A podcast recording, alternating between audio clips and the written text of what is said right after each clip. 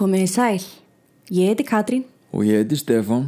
og í dag ætlum við að segja ykkur draugasögu. Í dag ætlum við að fara með ykkur til Argentínu. Argentína er land í Suður Ameríku og það er mikið að sjá. Endalausar eyðimerkur, grænir skóar, risastór fjöll og langar fjörur. En við ætlum hins vegar að heimsækja aðeins óhugulegri stað. Stað þar sem hinn er dauðu kvílast eða það sem þeir eiga að kvílast að minnstakosti.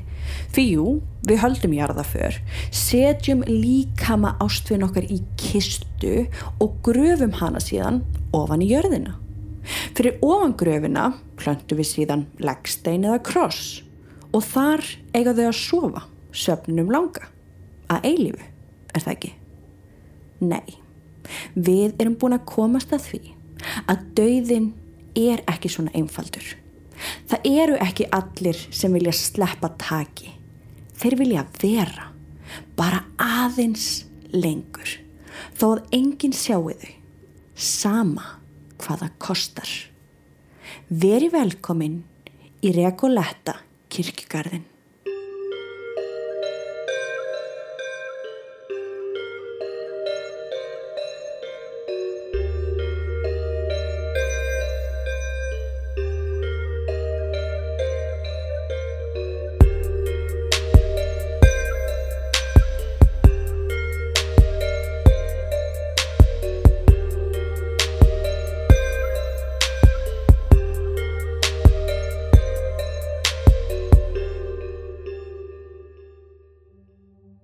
Recoleta er lítið útkverfi í Buenos Aires. Það er talað um að engin borg ná að fanga hjartaðitt jafn fljótt og Buenos Aires. Romantíkin svífur í loftinu, maturinn er upp á tíu og mikið úrval er af glæsilegum verslunagötum þar sem búðirnar eru tróðfullar af nýjastu tísku hverju sinni. En það sem stendur kannski helst upp úr er kaffimenningin. Já, Þú finnur kaffihús á hverju hortni, bæði stór og smá, þar sem fólk hópar sér saman í góðaveðrinu. já, Söður Ameríkubúar eru náttúrulega mjög frægir fyrir kaffið sitt, sko. Akkurat. Rekoletta er líka örugasta hverfið sem þú getur heimsótt.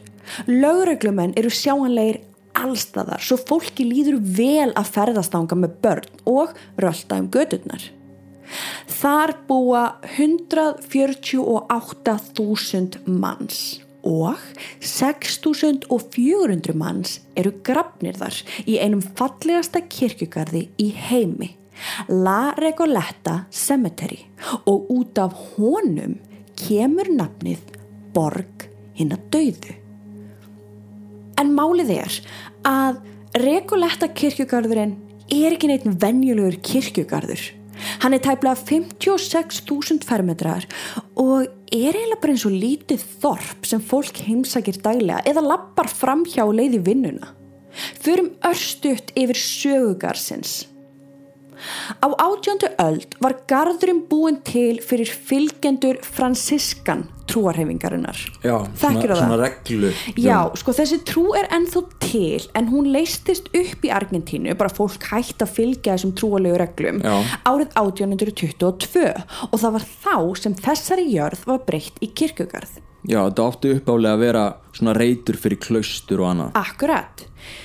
Þetta var síðan venjulegu kirkjugarður í 59 ár en svo var honum breytt árið 1881 þar sem hverfið í kringum hann hafði breyst mikið.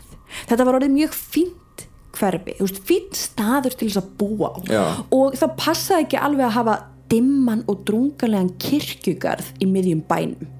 Svo garðurum var tekin í gegn og plássið í garðinum rauk upp í verði svo aðeins þeir sem voru vel efnaðir höfðu efni á að leia stæði. Já, þetta var bara fyrir elítufólkið. En svo gerist það árið 1870 þá kemur heimsfaraldurinn Yellow Fever til Buenos Aires í þriðja sinn. Hann hafði komið áður árið 1852 og 58 og átti eftir að koma einu sinni enn árið setna. Þessi sjúkdómur var algjör hörmung. Einkenni voru hiti, höfuverkur, gula, vöðvaverkir, ógleði, uppköst, þreita og það var talið að helmingur síktra dægi eftir sjö til tíu daga. Úf, Sjúkdómurinn kom inn í landið með argentískum hermönum sem snéru aftur frá stríði og um leið og hann var komin inn fyrir landamærin þá breytist hann hratt út. já, þetta minnum man bara á COVID-19 og þann faraldur sem á sem núnast Akkurat. Fyrsta tilfelli, hvað getum við sagt, gulsóttarinnar. Yellow Fever, var skráð í San Telmo 27. janúar 1870. Á innan við einu mánuði var fjöldin farin að hækka í 100 döðsföll á dag. Vá. Á sveipstundu fóru líkistur að hrúast upp í götuhornum vegna þess að borgin hafði aðeins 40 vagna til þess að keira kistunar í kirkjugarða. Ah, ok. Og það var annað vandamál. Nú? Það hafði engin efna á að leia sér pláss í Regoletta og í rauninni þó þú hefðir efna á því þá tóku þeir ekki við fólki sem hafði látist úr Yellow Fever.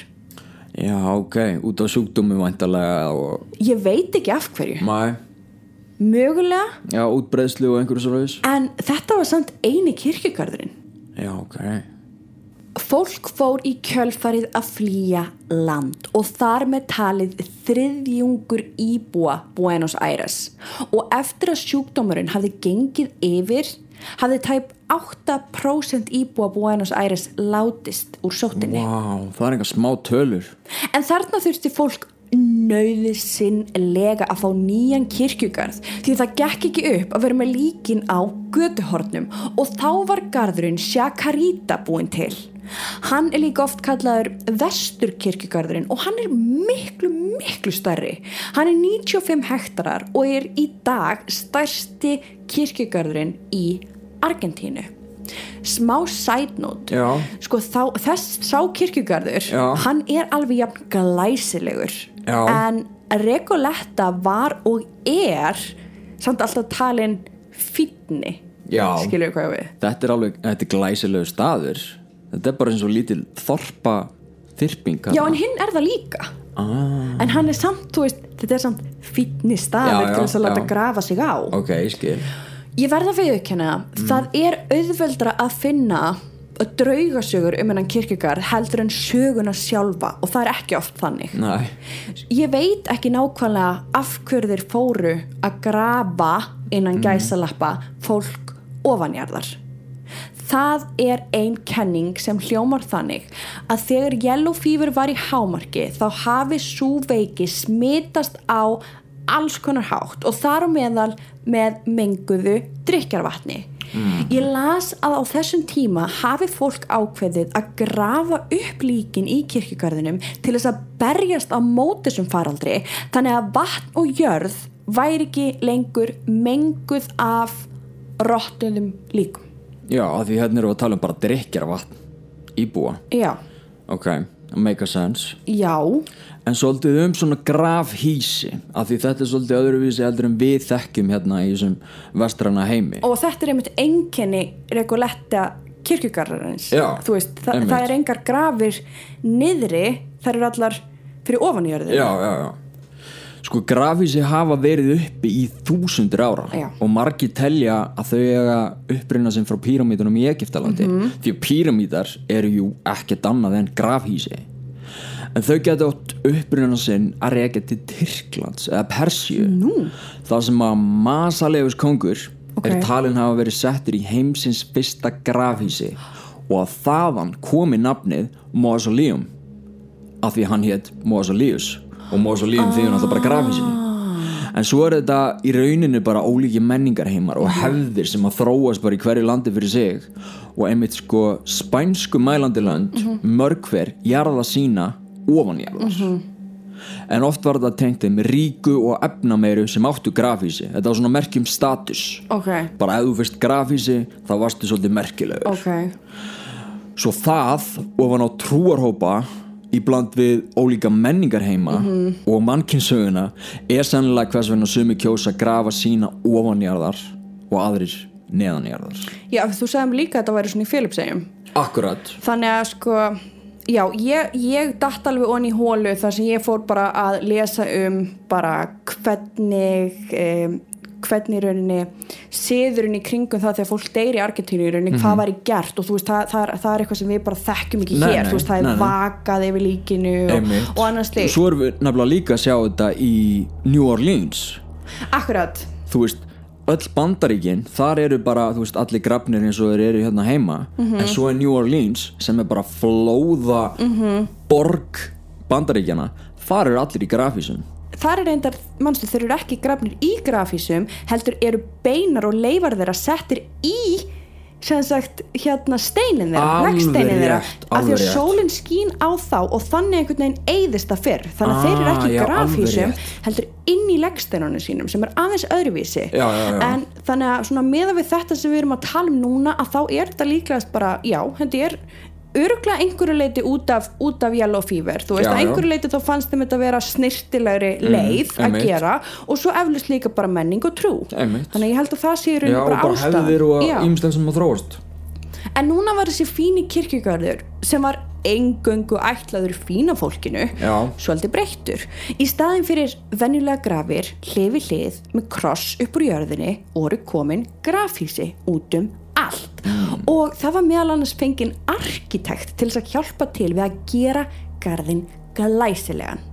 Þannig að þetta er raumurlega bara lítill bær fyrir hérna látnu. Já, þetta er svolítið svoleiðis. Og það sem meira er kisturnar eru sínilegar það fer auðvitað aðeins eftir hvernig grafísin eru en þú getur séð flestar kisturnar með því að kíkja inn um glugga eða hurðar þá fer maður eflust að velta fyrir sér ok, en hvernig er þá lyktin aðna? Já, veist, lík, einmitt. í líkistum sem fólk getur séð og farið nálægt við vitum öll hvað gerist fyrir líkam okkar eftir að við deyjum og við vitum að því fylgir ákveðin lykt einmitt en þeir eru með lausnina þess að kistan sem þú sérð Mhm. inn í henni er síðan önnukista ah, sem líkaminn er inni. Og svo kista er þakin þykku koparlægi til þess að koma í veg fyrir lyktina og að hún brotni með tímanum. Ah, ok Það skil. er sem sagt trikkið. og áður en þú hlusta lengra ef þú ert ekki búin að skoða myndirnar sem fylgja þættinum skaltu endilega gera það inn á draugasögu.com bara svona svo þú sjáir hvernig garðurinn er. Já, því þetta er ekki það sem við eigum í rauninni að þekkja hérna Nei, heima nei. Þetta er eins og lítil borg og þannig eru bara, þú veist, húsasund og hýmislegt Já, það eru tréð þarna, það er gróður, þetta, er óbúslega fallegt og að þú sér þetta á Google Earth til dæmis, Já. þá sérðu borgina og svo er bara eins og þessi lítil borg inn í borginni. Veist, þetta, er, þetta er ótrúlegt, kíkið bara á myndirnar, Já. sjáu þetta sjálf. Hæ, hæ, Okkur langaði bara aðeins til þess að stoppa þáttinn, til þess að segja ykkur frá því. Að við erum sko alls ekkert á leiðinni neitt í jólafrí. Við erum með stút fullan desembermánuð af efni. Og við erum á leiðinni í rannsóknarferð á milli jóla og nýjárs og í kjölfarið verðum við með íslenskan þátt. Þannig okkur langar til þess að benda ykkur á áskriftarleiðinar sem eru í bóði en við erum með þrjárlegur í bóði og það ættu allir að finna eitthvað við sitt hæfi. Svo endilega kíkið inn á það á patreon.com skástrygg draugasögur. Draugagangurinn í gardinum er mikill og sögurnar jafn margar. Það eru margir þekktir einstaklingar grafnir þarna og fólk þyrpist í gardin til þess að skoða þessar þekktustu grafir. Já, Svo þekktasta er án Eva Gröf Evu Perrón. Það virðir samt vera að Eva sé ein af þeim sem fær að kvíla í friði en við setjum samt spurningamerki við það svona miða við hvernig farið var með líkið hennar. Marja Eva Perrón, oftast kölluð Eva Perrón, er þó best þekkt sem Evita. Já. Hún var eiginkona Juan Perón, fórseta Argentínu og gengdi embætti sínu sem fórseta frú Argentínu frá 1946 til dauðadags 1952. Hún hitti Juan Perón og fyrsta 22. janúar 1944 á góðgerðaviðburði sem átti sér stað í Luna Park leikvanginum til styrta fórnalampa jarðskjáltans í San Juan í Argentínu. Þau gifta sig síðan árið síðar. Juan var kjörinn fórseti Argentínu árin eftir það eða 1946 og næstu sex árin varð Eva Perón öflug innan verkalýs samtaka og góðgerðamála þó hennar helstu baráttumál hafi verið atvinnuréttindi og kjaramál lálauna fólks. Hún stýrði einnig ráðunautum í atvinnu og heilbriðismálum, stopnaði og stýrði góðgerastofnunni sem hétt eftir henni Eva Perón og barðist harkalega fyrir kostningar eftir kvenna í Argentínu og stopnaði í kjölfarið fyrsta kvenn stjórnmálaflokk þjóðurinnar, peronistaflokkur kvenna. Við erum bara að tala um hörkukvendi. Já, við erum að tala um bara hörkutól, þetta er rosaleg kona og þess vegna er hún svolítið talin bara í rauninni svolítið svona sjálfstæðist ták Argentínu. Akkurat. Árið 1951 tilkynnti Eva Perón frambóð sitt til tilnefningar til peronista í embætti varaforsita í Argentínu og hlaut mikinn stuðning frá meðlimum flokks peronista, láttekjufólks og verkamannaflokka Argentínumanna sem nefndir voru Desimisados eða svona skirtulausu verkamennir. Við erum hérna í raunin að tala um sko þeirra útgáfu að blue collar, bara vinnandi fólkið á planinu. Ok, en heilsu brestir hennar neittu hana til að draga frambóð sitt tilbaka. Árið 1952 skömmu áður en hún lést úr leghálskrabbaminni 33 ára Já. hlaut Eva Perón titilinn andlegur leiðtogi þjóðarinnar af argentíska þinginu. Henni var veitt heiðurs jarðaför við andlátt sitt sem er venjulega forréttindi sem áskilin eru þjóðhöfðingjum. Já, við erum að tala um, þú veist, þetta er bara, hún var engillin, hún var svo sem átt að bjarga Argentínu. Og var konu ung. rosa ung en samt bara búin að áorka svo mikið á svo stuttum tíma og búin að einhvern veginn samina þjóðin Já. og Madonna hlaut svo Óskarinn þegar hún leik svo aðalhlutverkið um líf Evi Perón í söngleiknum Evitu árið 1996 á samt Antonio Banderas þú veist þetta var það stórt En þó hún hafi fengið þjóð höfðingja útför fóru samt líkamsleifarennar í óvenjulegt og undarlegt ferðalag.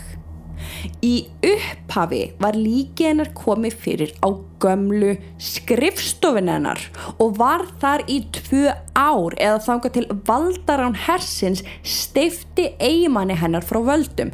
Býtaðins, Já.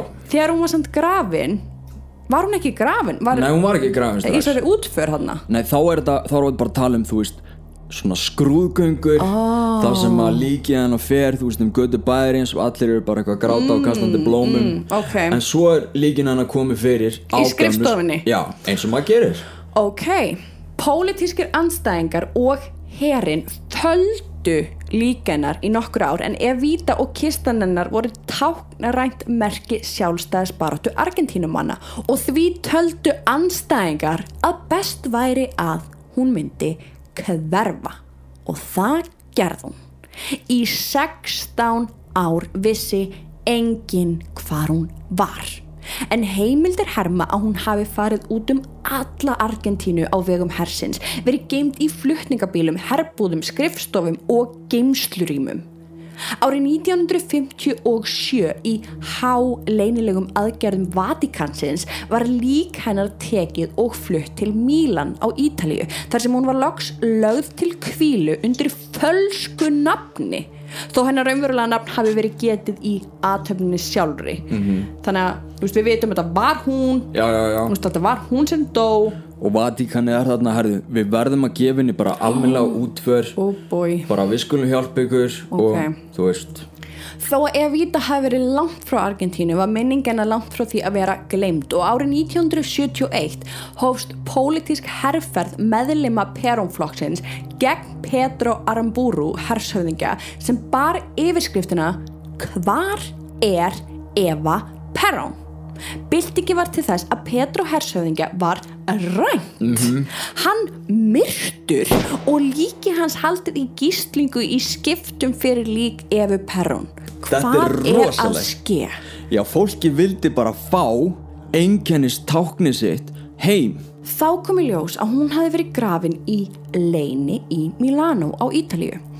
Illa farið líkenar var grafið upp árið 1971 og flutt til Spánar þar sem það eitti nokkrum árum í borðstofu Juan Perón sem hafi verið í útlegð frá Argentínu. Munið, hann var steiftur af stól. Já, já. hann hættir að vera fórsetið þarna.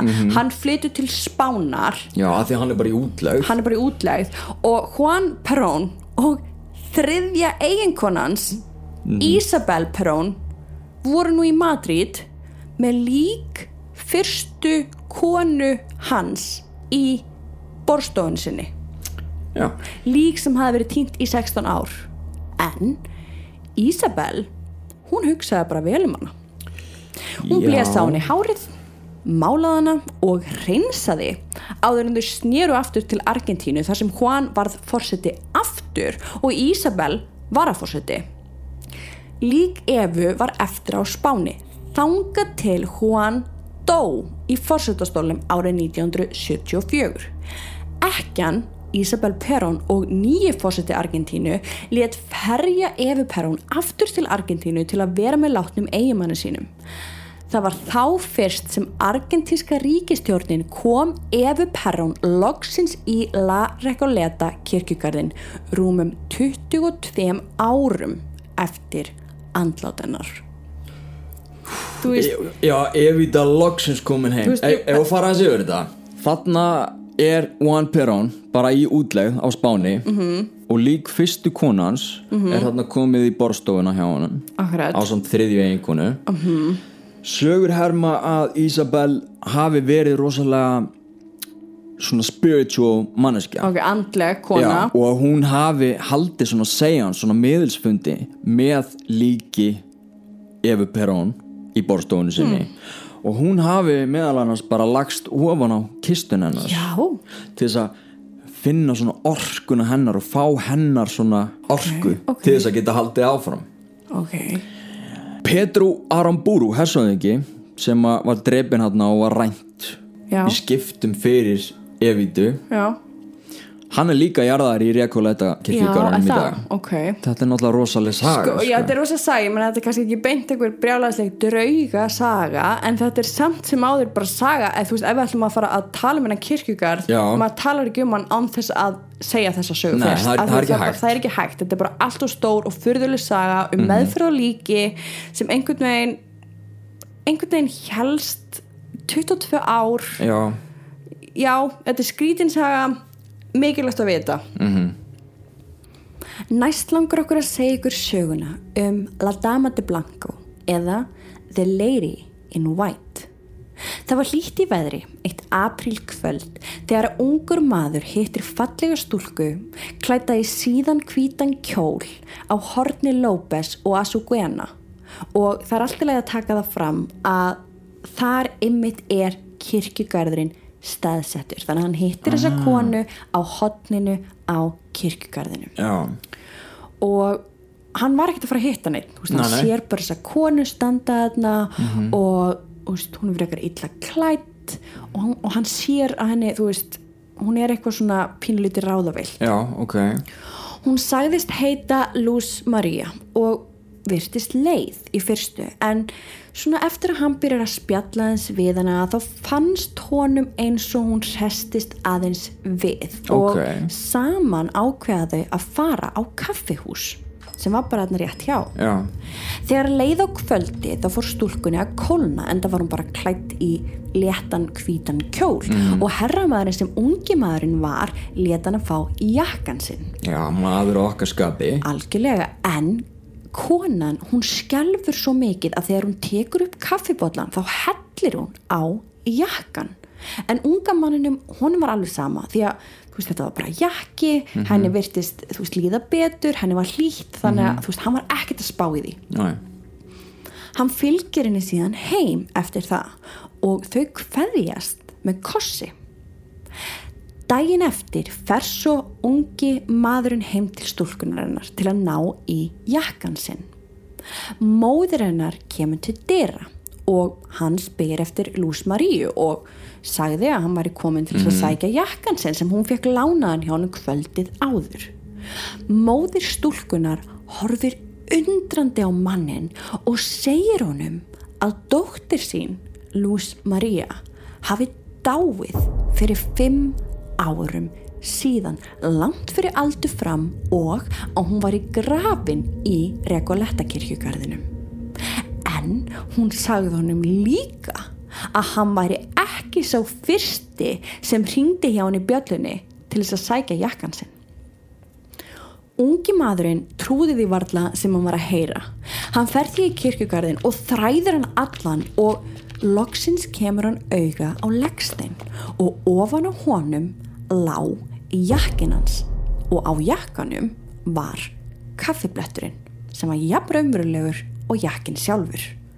Hann liftir jakkanum upp sem lá á steini og hann sér þá á steininum stendur Luz Maria látin 1925.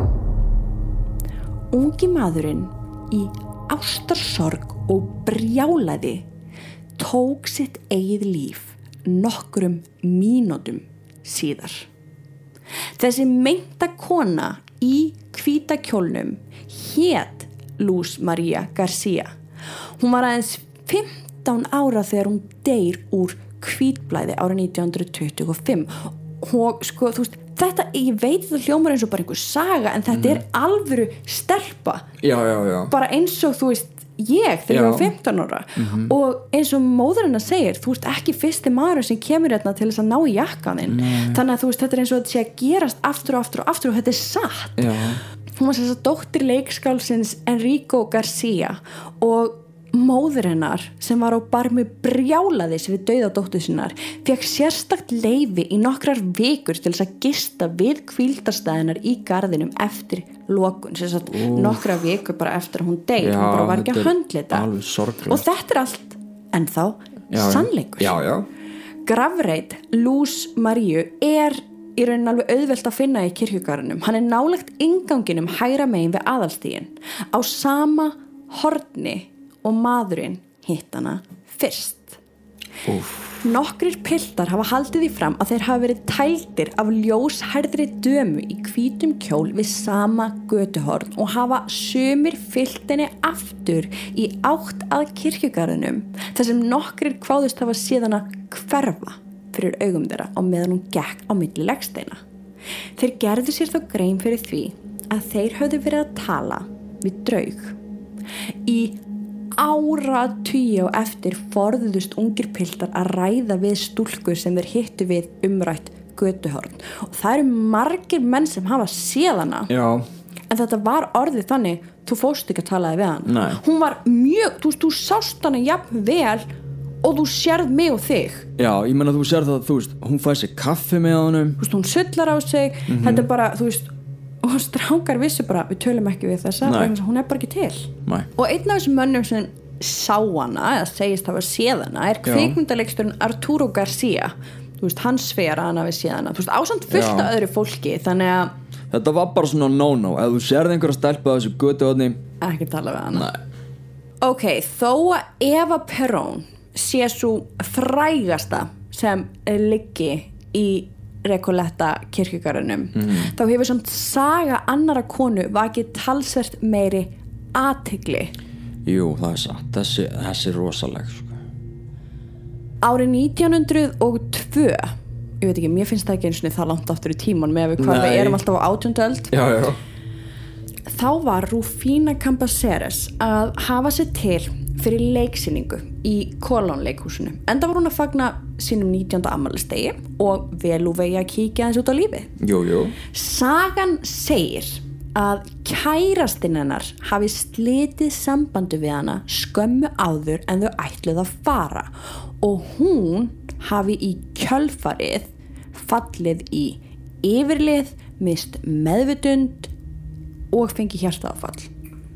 Ok Sko aðrir vilja meina að móður hennar hafi haldið við ungan ástmann dóttur sinnar og eitrað fyrir henni til þess að vera með honum. Það eru tvær sögur, Já. við vitum ekki alveg hvað Nei, nei. allavega það sem er alveg víst er að hún deyr þarna. já, Hvernig sem dauða hennar bar að garði, þá er það sem gerðist næst það sem er virkilega óögulegt. Þegar að læknar komu að heimili fjölskyldennar úrskurðuðu þeir Rúfínu látna og byggu um líkið. Foreldrar hennar óskuðu eftir því að hún erði grafin í Rekoletta kirkjugarðinum en sögum mikillar úrkomu var útför hennar frestað og kistan hennar því geimt í kapellu kirkjugarsins. Þegar starfsmenn komu að kapellunni næsta dag blasti við þeim ófögur sjón. Kistan hennar hafði verið færið til. Lögregla var kölluð á staðin en það voru gravræningar í miklu mæli á þessum tíma. Veist, það var greinilega eitthvað búið að eiga við kistuna. já En þegar að lögregla og starfsmenn opna kistuna -hmm. voru allir skartgripir ungu konunar á sínum stað. ok, þannig að ekki grafræningjar Nei, en það voru djúb klórför um alla innanverða líkistuna og mikil sár á öllum fingrum Rúfínu og andlit hennar var allt þakið blóði, hennar blóði. Hún hafði verið lifandi þegar hún var færð í kirkjugarðin í líkistunni en svo komist til meðvitundar og hennar versta martröð var hennar raumurleiki. Það veit enginn nema hún sjálf hvaða hugsanir komu upp í huga hennar þegar hún vaknaði og áttaði sig á því að hún hafði verið grafin lifandi. Hún hafði dáið úr tauga og hjarta áfalli. Rúfína Campaseres dó úr hræðslu og hefur síðan þá verið þekkt sem konan sem dó tvisvar. Hennar er minnst í gardinum með höggmynd af stúlku í kjól sem leggur hönd sína á hurðina. Það á að tákna Rúfínu þar sem hún lagði höndina á líkistuna innanfrá í síðasta skipti. Síðan er það sagan af David Aleno. já, Þetta, þetta er skrítin saga. já, sko. fyrirlega Hann var ítalskur innflytjandi sem starfaði sem gardvörður í 30 ár. já, bara. við Rekoletta kirkjugarinn Já, og hann bara búinn að starfa það lengi, hann bara frábær starfsmæður, mætti aldrei og seint, þú veist, þetta var bara svona alveg topp gæi, Já. bara kominn til landsins til þess að vinna. ok, Hann sagði öllum sem hann vann með að einn daginn að þá myndi hann láta grafa sig í þessum fallega garði og húst, ég veit það ekki, mögulega er þetta eitthvað sem maður segir við samstagsfélaga sína þegar maður vinnur í kirkjugarði. já, hann átti allan ekki efni á því Nei, á því að vera þarna en hann tekur þetta síðan skrefinu lengra. já, Hann kaupir sér pláss í kirkjugarðinum Ok. og eins og þú segir, vinur hann sem unni með honum vissu hvað pláss í garðinum kostaði Já. og það vissi að launin sem þau voru að fá myndi ekki duga til. Nei. En þá segir David að hann hafi verið búin að sapna í 20 ára fyrir plássi í kirkjugarðinum.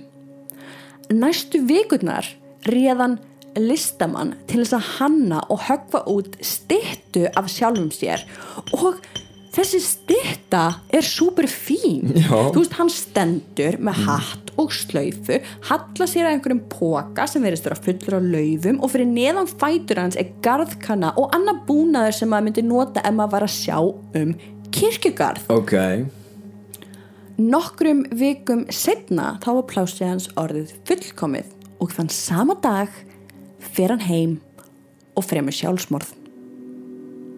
Engin veit hvern hann dó eða af hverju hann draf sig en hann er grafin í garðinum en fæðingadagur og dánadagur er ekki vitaðir og ekki skráðir. En David Hann verist ekki vilja yfirgefa garðin. Það heyrist ennþá ringla í liklónum hans á kvöldin þar sem hann lappar eftir þröngum göngustygnum líklega enn að hugsa um garðin sem hann núna býr í. Já, það er einhvern veginn snýrist allt um það, öll vinnans frá degi til dags að koma sér upp sínu grafísi til þess að vera, þú veist, vera laðið til kvílu þar Akkurat. og það var allt tilbúið Og þá bara er hann tilbúin að fara. Já. Þið getur sé mynda þessari styttu inn á draugarsögu.com Þú veist, og það er rosalega merkilegt af því það er svona ákveðin hefð þarna í rekolæta kirkjugarðinum að fólk lætur búa til höggmyndir af sjálfum sér eða einhverju sem að kannski tengist þeim á einhvern. Akkurat. þannig það er mikið af fallegum styttum og marmara og, og alls konar svona já bara listum bara listmunir. já, algjörlega en það sem ég finnst einmitt svo skríti við þessa styttu þegar ég var að rannsaka þetta -hmm. og ég les málið og ég svona veist, ok, þetta er ótrúlega sorglegt þetta er greinlega maður sem er þú veist, eitthvað þunglindur þú veist, hún líður greinlega ekki vel svo sé ég styttuna og þetta er bara ótrúlega hamingjusami maður með hatt og slaufu. Þú veist, ég hefði einhvern veginn freka búist við að sjá þá einhvern sorgmat Æ, skilur hvað ég á við, þetta komið svolítið óvart. Já. en þú veist, þetta er samt sem áður sorgleg saga. Já, en þetta er einn frægasta gröfin þarna í Recoletta. Já, hún náttúrulega sjálfsvíður oft tengd reymleika en á samanskapi þá var hann hann í 20-30 Akkurat, ár veist. og hann er ennþá þarna, það heyrist í liklunum hans það sést til hans Mhm. og já, hann er bara ennþá að vinna þarna La Recoleta kirkjugarun er í dag einn fjölsóttasti ferðamannastæður í Buenos Aires. Fjölmargar grafir eru enn í toppstandi og greinilegt er að þeir sem að kvíla þar eiga ættingja sem hafa efni á að halda ímyndira uppi eftir dauða. Aðrar grafir hins vegar eru orðnar að rústum, veist, gluggarnir yðgæðir og kisturnar vapnar kongulofum. Það er á einhvern hátt heillandi hvernig þeir lifandi deila bænum með þeim dauðu. Brögnir eins og ekkert sé eðlæra. Dauðin er ekki tabú, heldur eitthvað bara eðlilegt sem við ættum ekki að hræðast. Svo ef þú ert einhvern tíma leið um Argentínu, kæri hlustandi, þá hvetjum við þig til að skoða Recoletta kirkjugarðin. En hafðu augun opin fyrir þeim öndum sem að neyta að sleppa taki á henni verallega lífi. Sama hvaða kostar.